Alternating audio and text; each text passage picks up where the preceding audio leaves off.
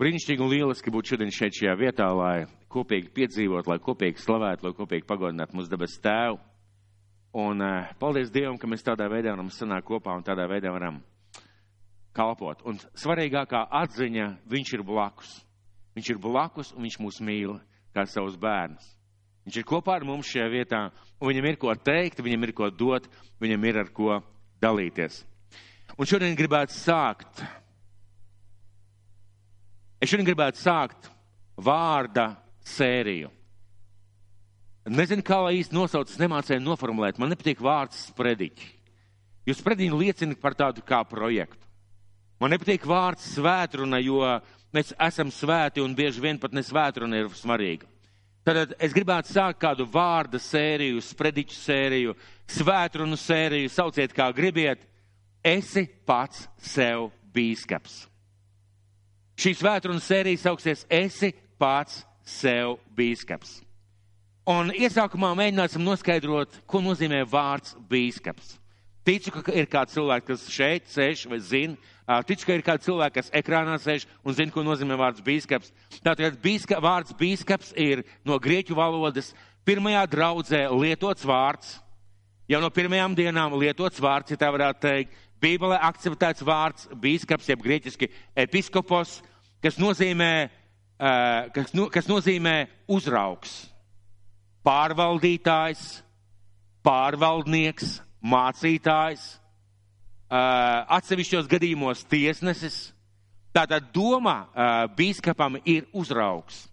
Un pirmajās draudzēs, un tā kā tas kristīgajā sabiedrībā un kristīgā ģimenē būtu jābūt, dieva draudzē būtu jābūt, ka bīskaps ir cilvēks, kas uzrauga draudz, pārauga viņas, palīdz viņām augt, palīdz veidoties, kas skatās, kā tas viss notiek, un ka viņš rūpējās un gādā. Un tad vārds saucās, esi pats sev bīskaps. Uh, ko es ar šo, ar šo sprediķi, ar šiem vārdiem neesmu domājis? Es neesmu domājis garīgu neatkarību no visiem. Es neesmu domājis, negribētu mācīt, vai jūs, lai jūs saprastu, ka es mācu garīgu neatkarību no visiem. Es esmu pats sev bīskaps, es pats par sevi atbildu, man neviens nav vajadzīgs. Nekādā gadījumā. Es nemācu un nedomāju garīgu autoritāšu pār tevi, kurus Dievs ir ielicis noliekšanu vai ignorēšanu vai neklausīšanu. Es ne, neesmu domājis vientuļā, pašpietiekušā, garīgā, pēdiņās bruņinieka sindroma sludināšana. Un es neesmu domājis arī e, sludināt vai runāt par atdalīšanos no draudzes un savu pašpārliecinātības celšanu vai e, pumpēšanu vai, vai kaut kādā veidā sevis paaugstināšanu.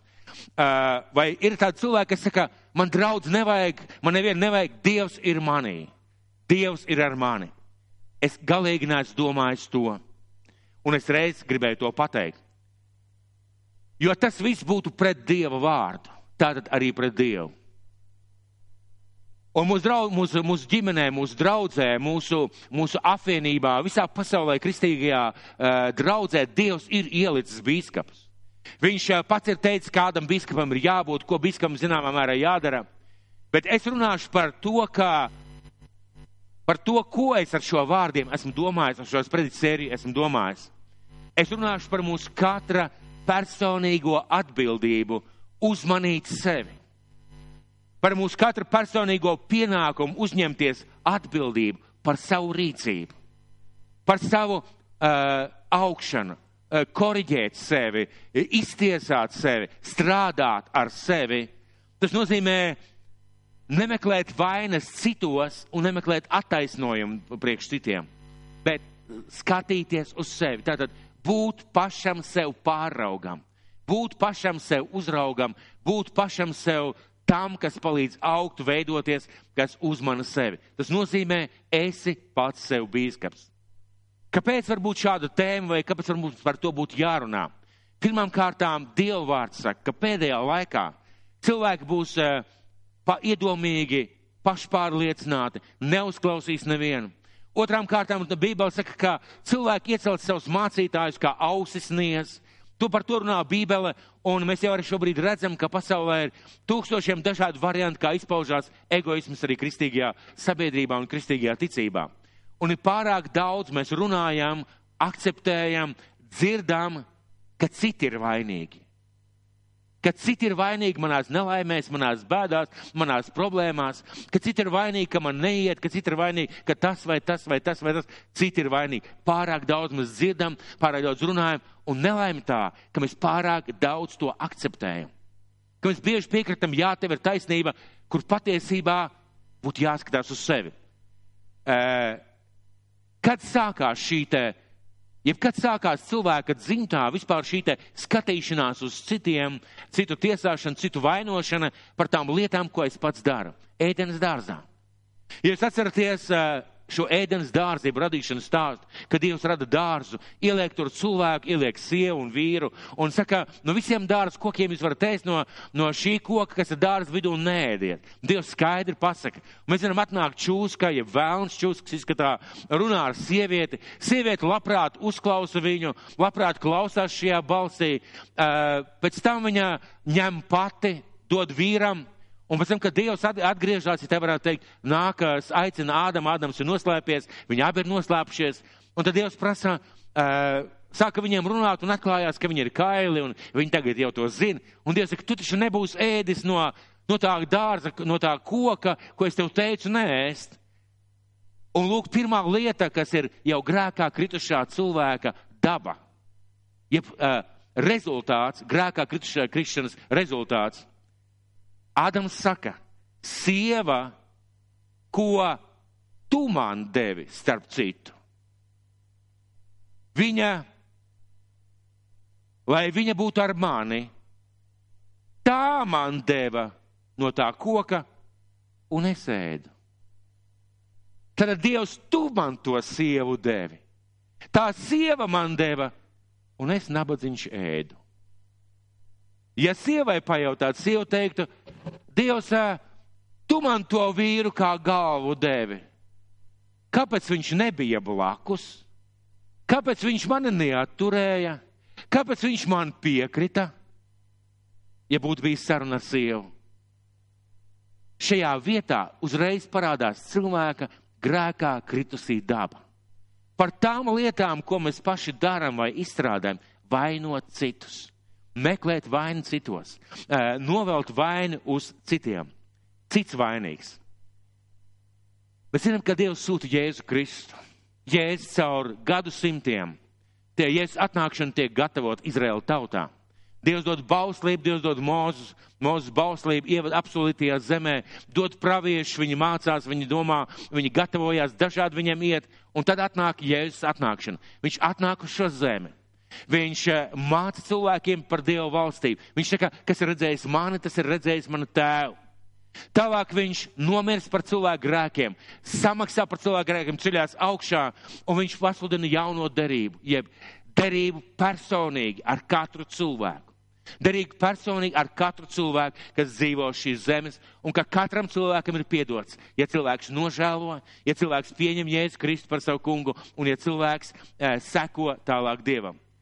Un Jēzus māca pirmām kārtām, tu pats esi atbildīgs par savu dzīvi. Jā, Dievs dod cilvēkus tavā dzīvē. Jā, Dievs dod autoritātes, jā, Dievs dod draudzi, Dievs dod apstākļus, Dievs, Dievs dod bīskapus. Bet izvēle vienmēr ir tava. Paklausīt, sekot pat Dieva vārdam. Skatieties, pat Dieva vārds, tas, ko Dievs savā autoritātē no debesīm runā uz mums caur Bībeli. Pat tas ir ielikts mūsu dzīvē, un mēs varam paklausīt vai nepaklausīt. Un, ja es mācu, tu personīgi esi atbildīgs par to, kā tu darbojies. Un visa Bībele, visa Bībele runā par šo manu personīgo atbildību.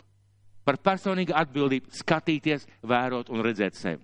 Kāds no Amerikas prezidentiem patiesībā ir zināmā mērā citējis Bībeli, sakot apmēram tādus vārdus. Varbūt es precīzi necitēšu. Nav tik svarīgi, kas notiek ar tevi, cik svarīgi ir, kā tu reaģē un kā tu dari šajos apstākļos. Nav tik svarīgi, kas notiek, svarīgi ir, kā tu reaģē un kā tu rīkojies šajos apstākļos. Ja es teicu saviem sekotājiem, skatieties, kā jūs klausaties. Viņš runā, un te viņš saka pēkšņi tādu pārsteidzošu frāzi - skatieties, kā jūs klausāties.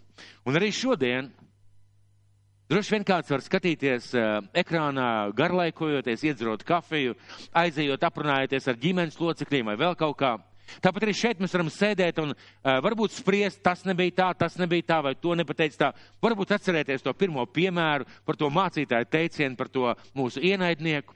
Un domāt, kā mācītājs to varēja pateikt.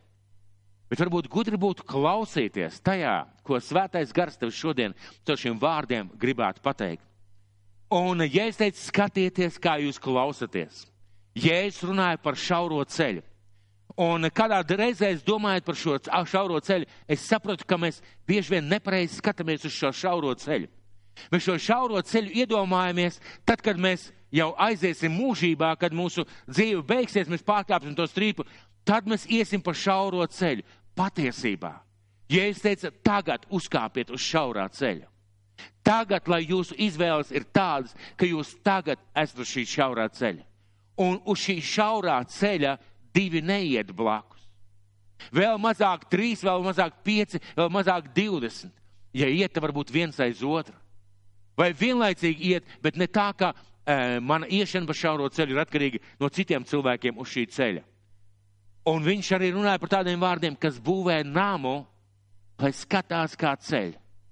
Citu pamatu neviens nevar likt kā Jēzus Kristus, bet kas būvē namu, lai skatās, kā viņš pats ceļ. Šis vārds pats. Un jaunā derība, svētais gars un Jēzus Kristus māca par mūsu personīgo atbildību, par mūsu rīcību un par personīgo atbildību vadīt sevi, valdīt par sevi, sekot sev līdzi, vērtēt sevi un pārvaldīt sevi par mūsu personīgo atbildību. Jā, Bībelē ir minēta mācītāji, diakoni, bīskapi, ir atbildība, kas dod draudzēji, sagatavot svētos kalpošanai. Ir atbildība, kas dod bīskapiem, uh, evaņģēlistiem, mācītājiem, skolotājiem. Bet pirmā atbildība man, man ir pašam par sevi. Pirmā atbildība man ir atbildēt par sevi par savu, līdzi, uh, savu rīcību un gatavoties šai kalpošanai. Un Dievs devis vārdu visām mūsu dzīves sfērām. Dievs devis vārdu visām mūsu dzīves sfērām. Jūs ziniet, un esmu jau teicis, un mēs zinām, ir septiņas dzīves sfēras, ja tā ir lielos vilcienos varētu teikt. Un visās dzīves sfērās Dievs ir devis vārdu. Kā rīkoties, kā darīt, kādā veidā domāt. Un mūsu uzdevums ir ieklausīties šajā vārdā meklēt vārdu priekš mūsu dzīves sfēras, saprast viņu un turēt šo vārdu. Vai jūs atceraties vecās derības noslēgumu kaut kādā posmā, kad ebreju tauta piegāja pie apsolītās zemes robežām? Es domāju, ka lielākā daļa, kas ir lasījuši, atcerās. Un pirms, mūzu, pirms Jozovā ievad šo tautu apsolītajā zemē, Dievs saka, esi stiprs un drošs, nebīsties un nebaiļojies, ja es, jo es esmu visur kopā ar tevi. Tikai ievēro baušļus, seko tiem, turies pie tiem. Es esmu ar tevi, tikai seko tiem, turies pie tiem, ievēro tos. Tā darīdams, tu iemanto šo apsolīto zemi. Un vispirms jautājums ir, ko Dievs ir ieplānojis mūsu dzīvēm? Kā kāds mācītājs teica, vai kāds evaņģēlis teica, kad viņš dzirdēja kādu laiku, daudz gadus atpakaļ, kad viņš tā pa īstam vēl Dievu nebija iepazinis, viņš teica, kad es dzirdēju vārdus, uh, lai notiek tavs prāts, lai, vai lai notiek Dievu prāts, viņš vienmēr tas teicis āmen un piekrits. Un pēc tam viņš sāca domāt, paga, paga, paga. Protams, lai notiek Dievu prāts, bet kāds ir Dievu prāts manā dzīvē? Kāds ir Dieva prāts manā veselībā, manās finansēs, manās attiecībās? Kāds ir Dieva prāts? Ir ļoti vienkārši pateikt, lai noteikti tavs prāts, bet kāds ir Dieva prāts? Un tad, lūk, jautājums ir, ko Dievs vēlās, jeb kādu dzīvi Dievs vēlās dot, jeb izveidot mūsu, mums, saviem bērniem. Es domāju, ka neviens tēvs, neviena māte, kas šeit sēž, nevēlas saviem bērniem un nevēlās saviem bērniem pelēku, niecīgu, nenozīmīgu dzīvi. Neviens. Lielākoties visi normāli, labi vecāki vēlās saviem bērniem svētītu, brīnišķīgu, izcilu dzīvi, vēl un vēlās, un ieguldās bērnos. Un Dievs vēlās, lai darītu lielas mūsu dzīves, darītu lielas lietas cauri mūsu dzīvēm, darītu lielas lietas, ne maziņas, ne niecīgas, bet lielas lietas. Un es gribētu izlasīt pāris vietas, pāris vietas no Bībeles, kas runā par to, bet patiesībā jaunā derība ir pilna ar to. Jo redziet, ja es sevi redzu kā pelēcību, kā niecību, kā puteklīt šajā pasaulē, ja es sevi redzu tā, tad man skatījums tālāk arī nebūs. Es būšu puteklīts niecība, un turpat es palikšu un būšu ārkārtīgi apmierināts, bet Dievs tā nevēlas. Dievs vēlās vest mūs ikvienu uz izcelību kādās vietās uz svaidījumu, uz atbildību, uz spēku, uz spožumu, uz kalpošanu, uz izaugsmu, uz lietām, kas maina apkārtējo pasauli un maina mūsu dzīvi. Un tikai pāris vietas. Otrā vēstule korintiešiem, trešā nodaļa, 18. pants. Otrā vēstule korintiešiem, trešā nodaļa, 18. pants. Bet mēs visi atsektām sejām spoguļodamies tā kunga spožumā, topam pārvērsti viņa paša līdzībā, no spožuma uz spožumu. To dara tā kunga gars. Cik liela ir Dieva līdzība mūsos? Cik liels ir Dieva spožums mūsos, par ko šajā vietā runā? Tā nav nekāda niecība. Tas ir kaut kas izcils, kaut kas liels, kaut kas brīnišķīgs. Uh, Jeremijas grāmata. Jeremijas grāmata 3, 3 nodaļa. Jeremijas grāmata 3, 3 nodaļa, 2, 3 pants. Jeremijas grāmata 2, 3, 3 nodaļa, 2, 3 pants. Tā saka tas kungs, kas visu, ko arī izdara. Tas kungs, kas izprāto, lai to arī izpildītu. Tas kungs ir viņa vārds. Piesauc mani Tad es tev uzklausīšu un tev atklāšu lielas un brīnišķas lietas, kas tev nebija zināmas. Šajā vietā Dieva vārds, Dievs pats saka, piesauc mani. Tas nav tā, ka es, Dievs, es tevi piesaucu, parāda man brīnišķīgas lietas. Šeit ir runa par pielūgsmu, par būšanu kopā ar Dievu, ka Dievs saka, es tev parādīšu, ja tu mani pielūgsi, ja tu būsi mans bērns, ja tu mani meklēsi, es tev uzklausīšu tev, atklāšu lielas un brīnišķas lietas, kas tev nebija zināmas. Mīļie, mēs dzīvojam jaunajā darībā. Mēs dzīvojam laikā, kad svētais gars ir uz šīs zemes, kad svētais gars var būt ikvienā no mums un daudzos arī ir. Un svētais gars ir tas gars, kas ņem no Dieva un atklāja saviem bērniem, rāda saviem bērniem, svētī savus bērnus ar spēku, kalpot un būt par gaismu šajā pasaulē. Svētais gars. Tas nozīmē, ka tā nav nekāda niecīga palēka dzīve. Un 40. psalms, 40. psalms, 6. pants, 40. psalms, 6. pants. Lūk, tādi vārdi. Liela ir teva darba, kungs, mans dievs, ko tu mūsu labad esi darījis, un dižanas ir tavas svētības pilnās domas par mums. Un svētības un svētības pilnas ir tavas domas par mums, dižanas un svētības pilnas. Taviem brīnumiem un padomiem nav nekā līdzīga, kad pūlos tos izteikt un pasludināt, es nespēju tos saskaitīt. Tātad dižanas un svētības pilnas domas. Ko tas nozīmē?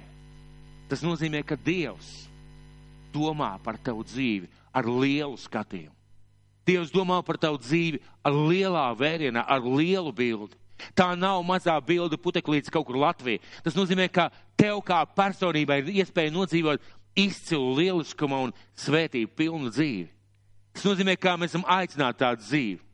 Un ja es pats teicu saviem mācekļiem, kas bija vienkārši zvejnieki, viņš teica, es jūs darīšu par cilvēku zvejniekiem. Dieva vārdā vairākās vietās teiks par, salma, par Salmanu par Dāvidu un par Abrahamu, ja nemaldos, es darīšu lielu tavu vārdu savā tautā. Uh, Bībeli saka, ka mēs esam Dieva darbs radīti labiem darbiem. Jeb Dieva meistardarbs radīti labiem darbiem. Uh, Dievs saka, caur uh, jauno derību, caur Bībeli, mēs esam Dieva nams. Ķēnišķīgi priesteri, svēta tauta, dieva tauta. Mūžīgās dzīvības mantinieki, galu galā dieva bērni, un kurš labs tēvs nevēlas saviem bērniem, bērniem izcilu dzīvi. Tas nozīmē, ka mums ir ieplānota, mums ir paredzēta, mums no dieva ir novēlēta un svētība un uzvara un panākuma un tiešām dižana lieliska dzīve. Tad spoža dzīve, neviegla, ne ērta, nevienmēr patīkama, bet spoža un dižana. Atcerēsimies to. Atcerēsimies to, jo mēs tālāk runāsim par kādām citām lietām. Un vārds šodienai, vārds šodienai šajā sprediķu pārdomu vārda sērijā sauciet, kā gribiet, saucās esi pats sev bīskaps. Esi pats sev bīskaps. Un vārds šodienai saucās uzticams mazās lietās. Uzticams mazās lietās. Mēs šodien runāsim par uzticamību mazās lietās. Šī sērija saucās Es pats sev bīskaps. Mēs arī nākošu svētdien par to runāsim, par dažām lietām. Bet šodienas vārds saucās Uzticams mazās lietās. Vai kāds ir redzējis ķieģeļu māju? Vai kāds šeit Rīgā ir redzējis ķieģeļu māju? Es redzēšu vispār labas mājas, pareizi. Nu, tādas labas mājas, labākas nekā bloku, nekā paneļu mājas, vai ne? E, droši vien, ka labāks nekā tās varbūt jaunās, ko no betona būvē, kas to lai zina. Bet ķieģeļu mājas. E, kā sākās ķieģeļu māja? Vispirms ar vīziju, ar redzējumu, ar plānu, ar kaut kādiem skicēm, kā būvēt māju. Bet, lai šī māja taptu, kā šo māju būvē? Ķieģelīt pēc ķieģelīša. Es kādreiz domāju, es uh, dienēju padomi armijā, Un man bija iespēja braukt ar smago mašīnu un vadīt uh, kādā, uz kādu uh, armijas celtniecības objektu ķieģeļus. Un uh, no šiem ķieģeļiem, no šiem silikāta ķieģeļiem tika būvētas mājas, piecstāvu mājas. Un es kādreiz skatījos un domāju, kā tiem puišiem neapnīk. Iedomājieties, piecstāvu māja. Trijās vai četrās vai piecās kārtās. Ķieģelīt pēc ķieģelīša, ķieģelīt pēc ķieģelīša, ķieģelīt pēc ķieģelīša. Tātad no šiem mazajiem ķieģelīšiem tapa liela māja. Tātad šī mazā lieta, ķieģelīts, likts viens pie otra ar rūpību un pacietību, izveidoja lielu māju. Daudziem no mums ir vēlēšanās nomest svaru. Un reizēm, kad mēs skatāmies internetā vai kaut kādas uh, video vai kaut kādu reklāmu pavīdu, pavīda tādas bildes, ka cilvēks pirms svara nomešanas un pēc svara nomešanas. Esat redzējuši, ja? Sievietēm ļoti aktuāli un bieži vien viņas ātri aiziet projām, jo lai netrauciet dzīvot un lai nekaitina. Bet ir vērts apstāties un padomāt un paklausīties, kā šīs sievietes ir tikušas pie tādām izmaiņām. Un izrādās, ka nepietiek tikai ar lielo lēmumu. Nepietiek tikai ar to, ka tu izveido sev grafiku vai pieņem kaut kādus lēmumus vai no kaut kā atsakies. Diena no dienas Nu, neapēst to kūciņu. Nu, neapēst to konfektīti. Nu, varbūt, varbūt, varbūt neapēst to bulciņu, kaut gan ļoti gribās. Jūs saprotiet? Šie mazie lēmumi izveido pārmaiņas, kas pēc tam ir par svētību cilvēka dzīvē. Man nekas nav pret cilvēkiem ar lieko svaru, bet es tikai runāju kā piemēru. Tad, un par mācībām. Vai kāds tētis vai mamma uh, grib piedzīvot, uh, uh, ka jums ir, jūsu bērnam ir lielisks diploms, ka viņam ir zināšanas, ka viņam ir iespēja strādāt un labi pelnīt. Es domāju, visi, vai ne? Vai šeit ir kāds, kurš pamodās 1. septembrī, nezinu, 6 vai 7 gadu vecumā, laikam 7 gadu vecumā, aizgāja uz skolu pirmo reizi, un pēc tam 18 gadu vecumā aizgāja otrais uz skolu, jau pēc diploma un pēc zināšanām. Ir kāds? Droši paceliet roku. Māsa pacēla roku. Piedodiet, es neticēšu. Laba izglītība, laba, lab, labs diploms sastāv no mācību priekšmetiem, kuros tu dabū zināšanas un kuros tu dabū labas atzīmes. Mācību priekšmets sastāv no stundām, no gadiem, kurus tu mācies. Tātad no šīm mazajām lietām izveidojas šī lielā lieta, tavas zināšanas vai tavas iespējas nākotnē. Kāpēc es minu šos piemērus? Jo es šodien runāšu par uzticamību mazās lietās, un arī dzīvē uzticamība mazās lietās ir lielu panākumu uh, ķīla. Šīs lielās izmaiņas un panākumi veidojas no šīm mazajām lietām. Tātad uzticamība mazās lietās, patstāvība, atbildība mazās lietās izveido lielas lietas mūsu dzīvē. Sakiet, vai Dievs pats ir uzticams mazās lietās? Kā jūs domājat? Vai Dievs runā tikai par mūžīgo dzīvību, par uh, Dieva valstības brīnumiem, vai Dievs pats ir uzticams mazās lietās? Vai jūs esat priecīgi par to, ka Dievs ir uzticams mazās lietās? Es domāju, ka noteikti pareizi. Es negribētu lasīt visas tās vietas, bet uh, varbūt vienu no izlasīsim otrā vēstule tesaloniķiešiem, trešā nodaļa, trešais pants. Otrā vēstule tesaloniķiešiem, otrā nodaļa, otrā vēstule tesaloniķiešiem, trešā nodaļa, trešais pants. Tas kungs ir uzticams, viņš jūs darīs stiprus un pasargās no ļauna. Mēs ļoti priecājamies, ka Dievs ir uzticams arī mazās lietās. Sakiet, cik liela, jeb grandioza ir mūžīgā dzīvība? Cik viņa ir liela? Bezgalīgi, nenovērtējama, ārkārtīgi liela. Cik salīdzinājumā ar mūžīgo dzīvību, jeb Dievu valstību, ko Dievs vēlās mums iedot, ir mūsu dienišķā maize šodien. Cik maza, jeb cik liela ir, piemēram, kāda finansiāla svētība kaut kādā reizē, kaut kāda vajadzība. Cik liela salīdzinājumā ar mūžīgo vērtību ir, mūžīgo dzīvību ir, piemēram, ikdienas svētības, svētības mācībās, svētības attiecības. Cik liels? Nesalīdzinām, tā ir mazā lieta. Un ziniet, kas ir? Dievs pats ir izveidojis kārtību, ja principu. Viņš ir uzticams mazās lietās, un tas izveido mūsu dzīvi tādu, kādu Dievs vēlās mūsu dzīvi veidot. Dievs izveido mūsu tādu dzīvi tādu, ka mēs varam teikt, Dievs man ir svētījis, Dievs ir kopā ar mani, un šī Dieva svētība mazajās lietās ieved manu Dieva valstībā, ieved manu Dievu klātbūtnē un ievadīs arī mūžīgajā dzīvībā. Vai mēs personīgi esam pateicīgi Dievam par to, ka Jēzus ir uzticams mazās lietās, piemēram, mācībās? Vai šeit ir kāds, kurš tuvojaties kādam eksāmenam, skolā, institūtā, savā darba profesijā, ir lūdzu, lūdzu, Dievs, palīdz man. Ir kāds? Vai varam pacelt rokas? Visi ir lūguši pareizi. Vai šeit kāds ir uh, pateicies par ēdienu Dievam? Visi pareizi. Vai, vai šeit ir kāds, kurš kādreiz kaut kur ir devies un bijis tāda neskaidrība vai nedrošība un lūdz Dievs svētī un sargā man ceļā? Ir šeit kāds cilvēks. Visi esam pareizi. Vai bijusi kādreiz kāda situācija dzīvē, ka vajag naudu, un tev šāds naudas nav, un tu lūdz Dievs svētī man ar finansēm? Ir šeit kāds cilvēks tāds? Ir.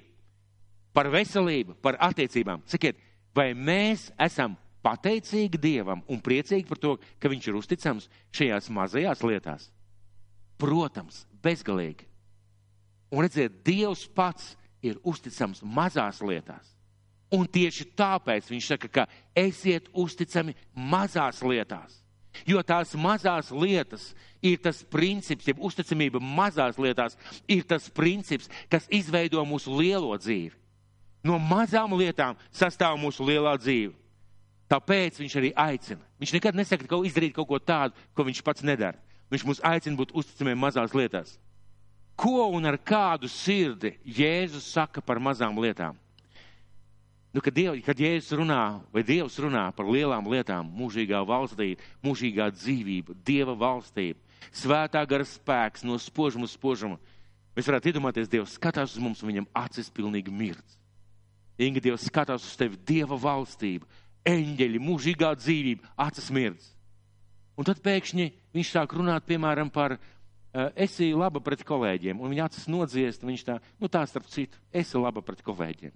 Nu, uztur labas attiecības. Vai, piemēram, viņš runā uz jums par kaut kādām lielām lietām, un tad viņš pēkšņi jūs sakat, klausies, jā, bet uh, debes tēvs lūdzu svētī man ar finansēm.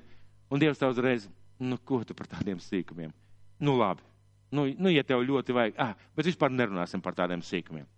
Protams, ka Dievam visas lietas ir svarīgas. Un tas ir milzīgi pateicība Dievam, ka mūsu tēvam visas lietas mūsu dzīvē ir svarīgas. Un tieši tāpēc viņš runā par mūsu atbildību mazās lietās. Jo redziet, neviens no mums nevarētu teikt, zini, ziniet, ko man Dieva valstība nav svarīga vai Dieva spēks nav svarīgs. Mēs bieži vien šajās mazajās lietās arī klūpam, un mazajās lietās mēs neesam sev bīskapi. Tieši mazajās lietās mēs laižam lietas garām. Bet Lukas evanģēlijā 16. nodaļā būs divas vietas, uz kurām es ļoti gribētu koncentrēties īpaši. Tātad Lukas evanģēlijas 16. nodaļa no 10. līdz 12. pantam. Lukas evanģēlijas un atšķiriet savās bībelēs 16. nodaļa no 10. līdz 12. pantam. Kopīgi izlasīsim. Un gribētu pievērst jūsu uzmanību, ka Dievam, kurš zina visas pasaules noslēpumus, kuram būtu tik daudz ko pateikt par mūsu dzīvi, par eņģeļiem, par vēlnu, par dažādām lietām, viņš veltīja laiku, lai savas dzīves laikā, šo trīs gadu laikā, runātu par šīm mazajām lietām. Pievērsiet tam uzmanību. Un lūk, Jēzus, tad 16. nodaļa, sākot no 10. panta. Pirms tam viņš runā par mūsu attieksmi, jeb cilvēku attieksmi pret naudu, par, par uzticamību naudas lietās.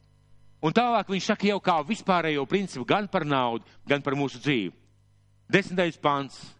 Kas vismazākā lietā ir uzticams, tas arī lielās lietās ir uzticams.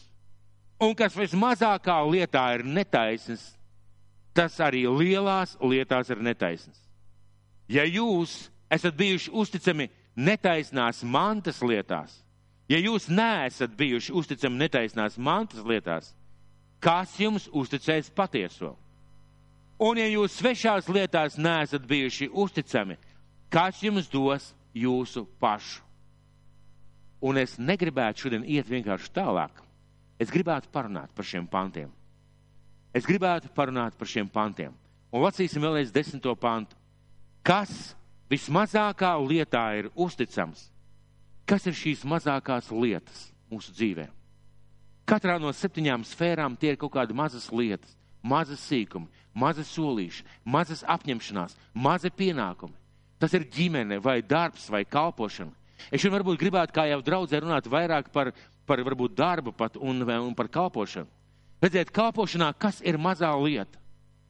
Piemēram, tev palūdzu kaut ko atnest vai palūdzu kaut ko izdarīt tu to izdarīji un tu nenoliki atpakaļ to vietu, to lietu, ko tu paņēmi.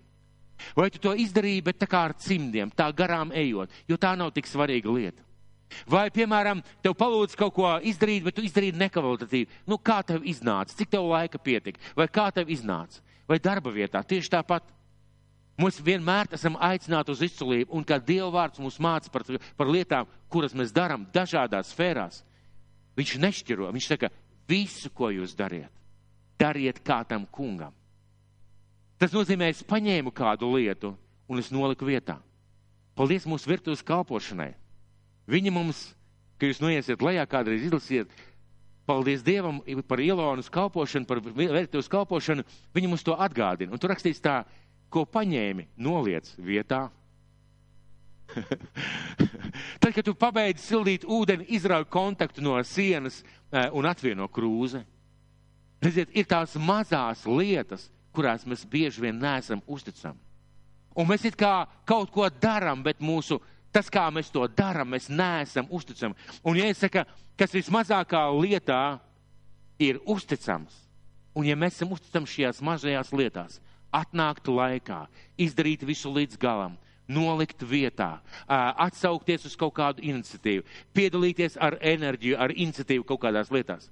Tas vislielākajās lietās ir uzticams. Un es domāju, ka jūs piekritīsiet, ka ja cilvēks parāda pareizu, lielisku, labu attieksmi mazās lietās, mēs automātiski būsim gatavi lūgt viņam lielas lietas palīdzēt. Esmu dzirdējis desmitām liecību, ka priekšnieks ieskrien, ieskrien pie strādniekiem un saka, tas nav tā, tas nav tā, tas nav tā. Un pēc kāda laika Viņš vēršās pie kādiem no šiem cilvēkiem un saka, klausies, vai tu nevarētu uzņemties atbildību par šo lietu. Un visi kolēģi brīnās, kāpēc šim cilvēkam, un priekšnieks paskaidro, es viņam pagājušajā nedēļā palūdzu izdarīt to, viņš izdarīja lieliski. Viņš ir sācis no pašas apakšas, un, mēs, un, un viņš dara lieliski lietas. Viņš labi lietas, mazas, sīkas, bet lieliski dara. Ziniet, un nav labāka sētnieka par uzcītīgu sētnieku. Nav labāka amatnieka par rūpīgu amatnieku. Nav labāka kristieša par divbīgu un tiešām atbildīgu kristieti tajā vietā un tajā laikā, tajā, ko viņš viņiem uztic. Un, ziniet, mēs visi aicināti būt kādā kāpošanā, nes svētību draudzē. Un tā ir mana atbildība būt uzticējam tajās lietās, kas man ir uzticēta. Ja man ir uzticēta rādīt vārdi, es sagatavošu šos vārdus, lai nav kļūdas. Ja man ir uzticēts uzkopt telpas, es uzkopšu telpas un izdarīšu vairāk nekā varbūt no manis sagaida. Ja man lūdz kaut ko palīdzēt, es palīdzēšu vairāk nekā, nekā, nekā man lūdz palīdzēt. Vai jūs ziniet otrās jūdzes principu? Vai kāds zina un saprot otrās jūdzes principu? Ja es teicu, ja jūs kāds spiež iet divas jūdzes, iet vienu jūdzi, paiet divas. Vai jūs saprotat šo principu? Uzticamība mazās lietās dari vairāk. Es tagad nesāku izstāstīt to vēsturisko kontekstu, bet viena lieta, kad jūs kādreiz kāds lūdz aizvest līdz mājām, aizvediet līdz mājām. Neizlaižiet ielas galā. Vai tuvākajā autobusa pieturā, kur cilvēkam vēl desmit minūtes jāiet ar kājām. Aizvediet līdz galam. Kad jūs lūdz kāds draudzē vai kāpošanā kaut ko izdarīt, izdariet ar atbildību smalki un pārliecināties, ka tas ir pareizi ka tas ir labi izdarīts. Izdarām šos sīkumus, un, ja es teicu, kas ir uzticams mazās lietās, tas ir uzticams lielās lietās. Kas vismazākā lietā ir netaisns, tas ir lielās lietās, un tā ir taisnība. Ja cilvēks ir paviršs mazajās lietās, ja cilvēks ir paviršs vai neatbildīgs tajās lietās, ko viņam lūdz darīt, arī lielās lietas būs viņam, viņam, viņam, ar viņu būs problēmas. Bībelē ir kāda vieta, Salmana pamācības. Es nepateikšu precīzi, bet tie vārdi ir apmēram tādi, kā etiķis bojā zobus, tā sūtnis kaitē, tā slinks sūtnis kaitē sūtītājam.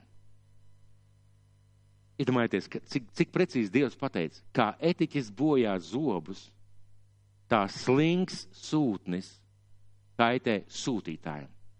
Tas nozīmē, ka šī vārds saka, ja tev sūtīja kaut ko izdarīt, vai padarīt, vai aiznest vēsti, ja tava attieksme nav rūpīga, ja tava attieksme nav tāda, kā vajadzētu, tu kaitē tam cilvēkam. Tu kaitē tam cilvēkam. Mīļie, man ir bijis gods uh, sākt ar mūsu draudzē kalpot ar pestīšanas templi. Un uh, ticiet man, 30 gadu laikā esmu redzējis ļoti dažādu attieksmi par dažādām lietām ir bijuši cilvēki, uz kuriem es skaties un domājis, es tā gribētu. Es gribētu tādu attieksmi. Un tas man bijis par labu piemēru. Un ir bijuši daudz cilvēku, par kuriem esmu pēc tam skumis. Un domājis, nu kā tā var? Nu tas taču ir Dieva nams. Mēs taču to darām Dievam. Tas var būt jebkurā kalpošanā, jebkurā sfērā. Bieži vien tas bijis tīri praktiskās lietās. Tīri praktiskās lietās. Un, ja es saku, kas ir uzticams mazās lietās, kas ir netaisnas mazās lietās, tas ir arī netaisnas lielās lietās. Ja jūs neesat bijuši uzticami netaisnās mantas lietās, šajās mazajās lietās, kas jums uzticēs patieso? Un šeit ir viena liela nelaime. Un ja jūs svešās lietās neesat bijuši uzticami, kas jums dos jūsu pašu? Tad mazās lietas ir šīs mazie sīkumi, kurus mums uztic, kurus mums lūdz izdarīt. Kas jums uzticēs patieso? Par ko iet runa? Kas ir šis patiesais?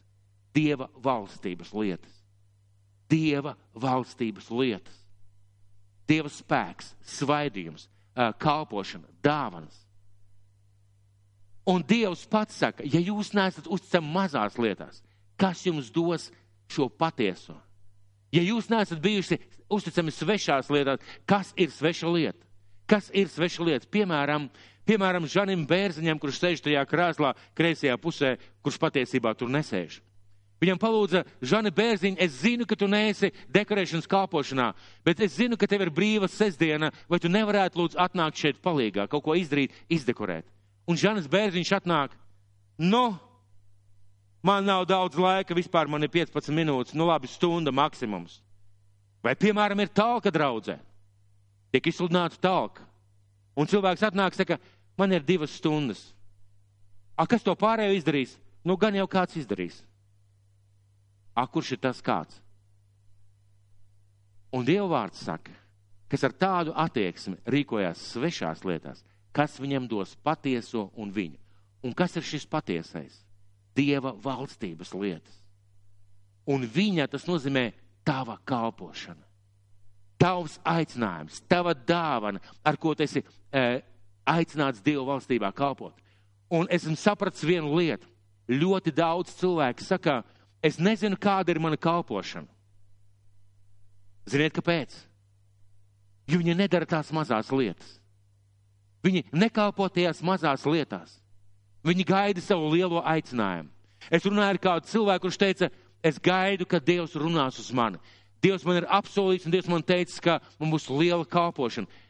Rīga un Latvija ir pilna ar lieliem kalpotājiem, mākoņu stūmējiem, kurus svētais gars vada no vienas vietas uz otru vietu, no vienas vietas uz otru vietu, un nekur viņi neatrod vietu, jeb miera vietu, un viņi nekur tā arī pa īstam nekalpo.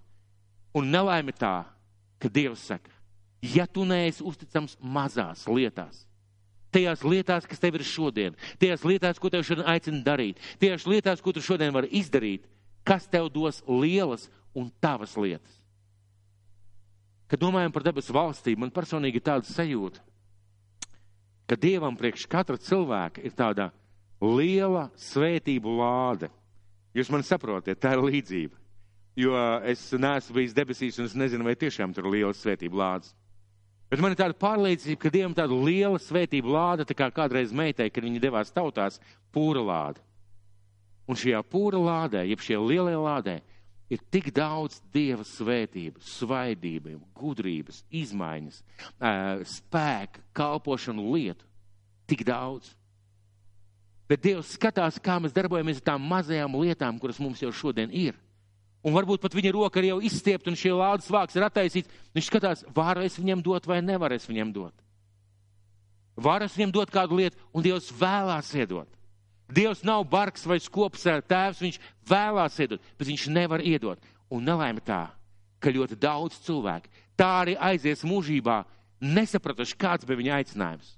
Nesaņēmuši aicinājumu, savu dāvanu, savu misiju tikai tāpēc, ka viņi nav bijuši uzticami mazās lietās. Un šī vieta mums māca dažas lietas. Pirmām kārtām, uh, ka Dievs skatās, ka Dievs skatās, kā mēs darbojamies šajās mazajās lietās. Otrām kārtām, ka Viņš vērtē un ka Viņš nedos, ja mēs nebūsim uzticami. Viņš nevar iedot. Viņš gribētu, bet Viņš nevar iedot. Un mums no šiem pantiem būtu jāmācās, ka Dievs skatās, ka Dievs vērtē, ko Dievs darīs mūsu finansēs, mūsu ģimenē, mūsu kalpošanā. Mums būtu jāmācās šīs lietas. Un vēl viena lieta, vēl viena vieta Bībelē, kas jau plašāk runā par šo lietu. Uh, kas jau plašāk runā, vēl viena vieta Bībelē, Mateja evaņģēlijas 25. nodaļa. Mēģināsim kopā izlasīt arī šo vietu, Mateja evaņģēlijas 25. nodaļa, no 14. līdz 25. pantam. Mateja evaņģēlijas 25. nodaļa no 14. līdz 25. pantam. Atšķirsim varbūt visi, šeit būs priekšā arī skatos, bet uh, pierakstīsim un atšķirsim Mateja evaņģēlijas 25. nodaļa no 14. līdz 25. pantam. Ja es stāstu kādu līdzību, tāpat kā ar cilvēku, kas aizceļodams saicināja savus kalpus un nodeva tiem savu mantu. Un vienam viņš deva piecus talantus podus, otram divus un trešajam vienu, katram pēc viņa spējām, un pats tūdaļ aizceļoja. Ja es stāstu līdzību. Un te viņš runā, viņš saicināja savus kalpus, tālāk viņš izdala viņiem savu mantu, viņš dod šos talantus pēc spējām, un viņš saka, darbojieties, pelniet ar šīm lietām, un pats tūdaļ aizceļoja. Tūliņ nogāja tas, kas bija dabūjis piecus talantus, ja podus, darbojās ar tiem un sapelnīja vēl piecus. Tad tūlīt nogāja tas, kas dabūja piecus podus. Tad cilvēks tūlīt aizgāja, darbojās ar sava kunga mantu. Darbojās noteikti katru dienu, uzticami solīt pa solītim. Un rezultātā no šiem mazajiem solīšiem, no šiem uzticamiem mazajās lietās, izveidojas vēl, vēl pieci podi. Tā arī tas, kas dabūja divus, sapelnīja vēl divus klāt. Arī iet runa par iniciatīvu, par ieinteresētību, par uzticamību mazās lietās. Un ziniet, kas ir interesanti šajā līdzībā? Kungs nebija pateicis, es atgriezīšos, un tu saņemsi algu pēc tā, ko tu būsi izdarījis. Viņš vienkārši teica, ņem darbojies. Tas ir mans uzdevums tev. Viņš nebija solījis nekādu balvu vai atalgojumu. Bet tas, kas bija dabūjis vienu, aizgāja un iereka to zemē un tā paslēpa savu kunga naudu. Tad šis viens viņš aizgāja, apraka un noslēpa un neko nedarīja. Viņam bija, bet viņš neko nedarīja. Bet pēc ilga laika šo kalpu kungs atnāca un sāka norēķināties ar tiem. Tad atnāca tas, kas bija dabūjis piecas talantus un atnesa vēl piecas un sacīja, kungs, tu man iedevi piecas talantus, redzi, es nopelnīju vēl piecus. Viņš negaida atmaksu, viņš negaida balvu, viņš saka, tu man iedevi piecus, es darbojos, es ieguldījos, es ar iniciatīvu biju uzticams tajās mazajās lietās, es izdarīju, kungs, to, ko tu man teici. Un viņa kungs sacīja, labi, tu godīgais un uzticamais kalps, tu esi bijis uzticīgs pār mazumu. Es tevi ieceļu pār daudzumu, ieej sava kunga priekā. Tu esi bijis uzticams pār mazumu, ieej es tev dodu daudzumu. Šis vārds absolūti saskan to iepriekšējo.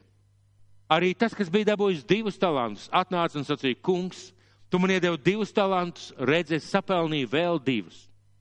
Un viņa kungs sacīja, labi, tu godīgais un uzticīgais kalps, tu esi bijis uzticīgs par mazumu, es tevi iecelšu par daudzumu, ieej sava kunga priekā.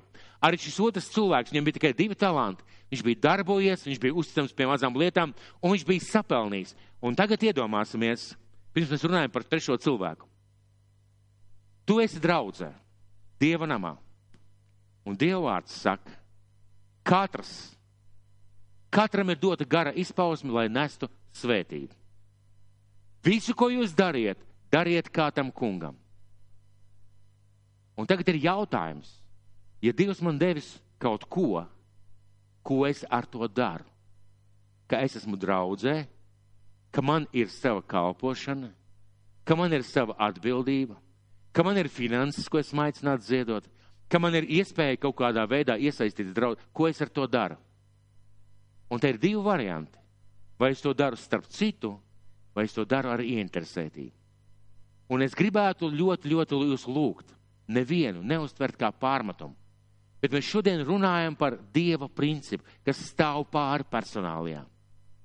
Un, ja cilvēks nav uzticams mazās lietās draudzē, tajās lietās, ko viņš var darīt, vai ko viņš ir aicināts izdarīt, Dievs nevar viņam iedot to, kas ir liels un kas ir viņa.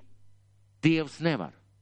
Un ja es neceļu savu draugu, tas nozīmē, ka to dāvanu vai talantu esmu apracis, jo es gaidu kaut ko lielāku, svarīgāku, foršāku, jaukāku, patīkamāku. Un lūk, trešais cilvēks.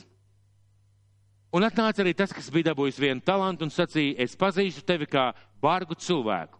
Tu pļauj, kur neesi sējis un salas, kur neesi kaisījis. Es baidījos un aizgāju un apraku tavu talantu zemē. Te viņš ir, ņem savu mantu.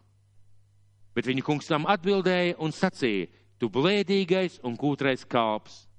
Ja tu zināji, ka es pļauju, kur neesmu sējis un salas, kur neesmu kaisījis, tev tev vajadzēja dot man mantu, naudu, mantu, manu mantu naudas mainītājiem, es pārnācu būt saņēmis ar savu naudu, ar augļiem.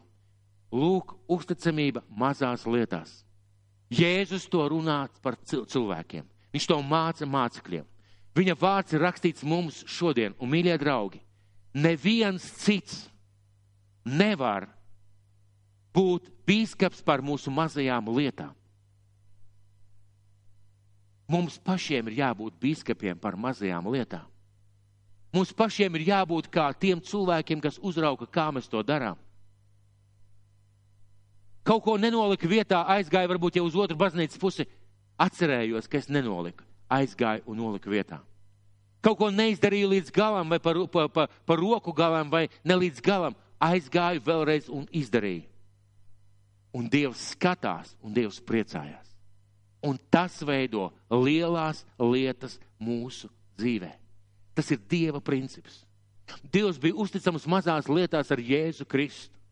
Cik liela lieta ir radīt zemi, milzīgi, radīt ādamu, milzīgi. Bet tad sākās šīs mazās lietas, ko mēs skatāmies, ka arī līdz Jēzus piedzimšanai, Jēzus piedzimst kā mazs bērniņš, maza lieta, salīdzinājumā ar pasaules glābšanu.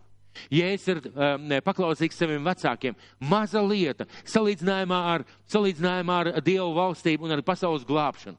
Jēzus kristījās, maza lieta, salīdzinājumā ar pasaules glābšanu. Un šodien tik daudz cilvēku saka, kristīties, tas nav svarīgi. Būt draudzē, tas nav svarīgi.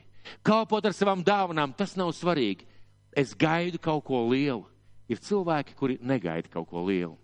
Bet, ziniet, es reiz pateikšu, tāda domāšana ved postā.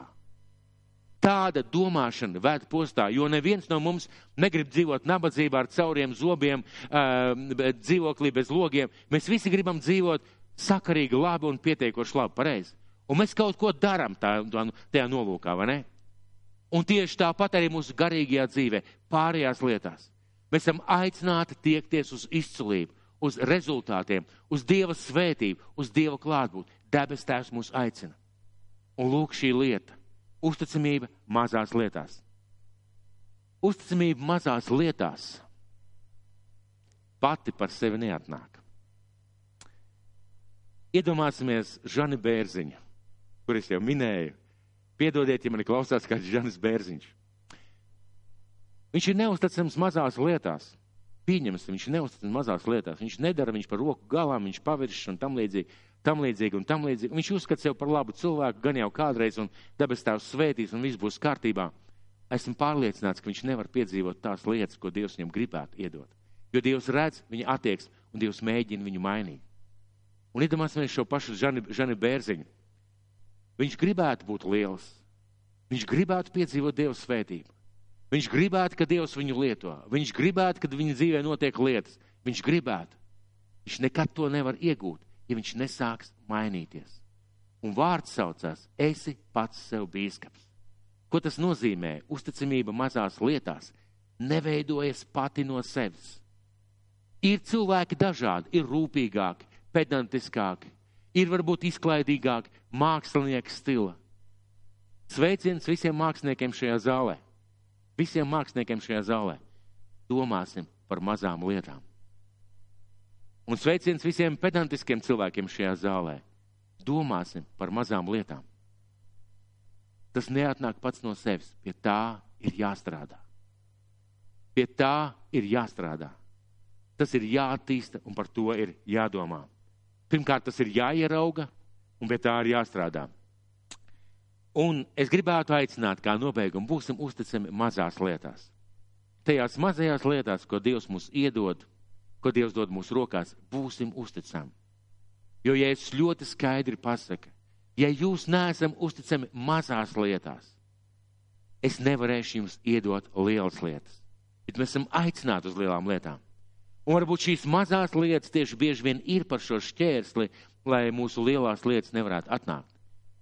Vai šeit jau kāds krāja pirmo miljonu? Ir kāds, kas krāja šeit pirmo miljonu? Vai šeit ir kāds, kas krāja? Kaut ko atliek. Ir kāds? Redziet, pirmais miljons sākās tad, kad tu ieliec pirmo eiro, lai viņu netērētu. Uzticamība mazās lietās atnes lielas lietas. Vai mēs varētu sev kaut kā šo vārdu darīt dzīvu, vai mēs varētu šodien tā katrs pie sevis tā lēnām atkārtot? Uzticamība mazās lietās atnes lielas lietas. Vai mēs varētu tāpat katrs sev pateikt? Varbūt tā kopā, trīs, četri. Uzticamība mazās lietās atnes lielas lietas. Arī jums ekrānā uzticamība mazās lietās atnes lielas lietas. Es nākošajā reizē Dievs man deva vārdu, un vārds sauksies, kas nesakrāja, tas izkaisa. Šodien es runāju par uzticamību mazās lietās, lai debes tēvs jūs svētī. Un mums vairākas prediķi, vairākas svētdienas, kad mēs runāsim, esi pats sev bīskaps. Un lūk, šajā lietā tikai tu pats sev vari būt bīskaps. Šīs mazās lietas ir tavās rokās - skatīties, kontrolēt, pārdomāt un sekot līdzi lai debes tēvs tevi svētī. Un es laikam neteikšu, pasakiet, es esmu bīskaps. es to neteikšu, jo varētu iznākt pārpratumi. Bet jūs esat aicināti būt bīskaps savā dzīvē šajās mazajās lietās. Mīļais debes tēvs, svētīkums ikvienu šajā zālē. Svēti debes tēvs, katras tās mazās lietas, ko tas iedevis mūsu rokās, mūsu dzīvē. Debes tēvs, svētī ikvienu, mīļais mans kungs. Palīdz tēvs būt uzticam tajās lietās, kas mums ir dots mūsu draudze, dievkalpojumu apmeklēšana, mūsu ziedojumi, mūsu kalpošana, mūsu ieguldīšanās, mūsu atbildība tavā valstībā. Tēvs, esi būt palīdz mums būt uzticams mazās lietās mūsu darbā, mūsu pienākumos, mūsu attiecībās. Kungs, palīdz mums būt uzticamiem mazās lietās šajās finansēs. Kungs, to mēs tev lūdzam. Svētī mūsu Dievs, ka skatoties mūsu dzīvi, tu varētu pateikt lielu vērtējumu. Tas ir uzticams cilvēks mazās lietās. Es viņam gribu dot daudzumu, ieej savā kunga mierā. Kungs svētīgi vien, Jēzus vārdā. Āmen!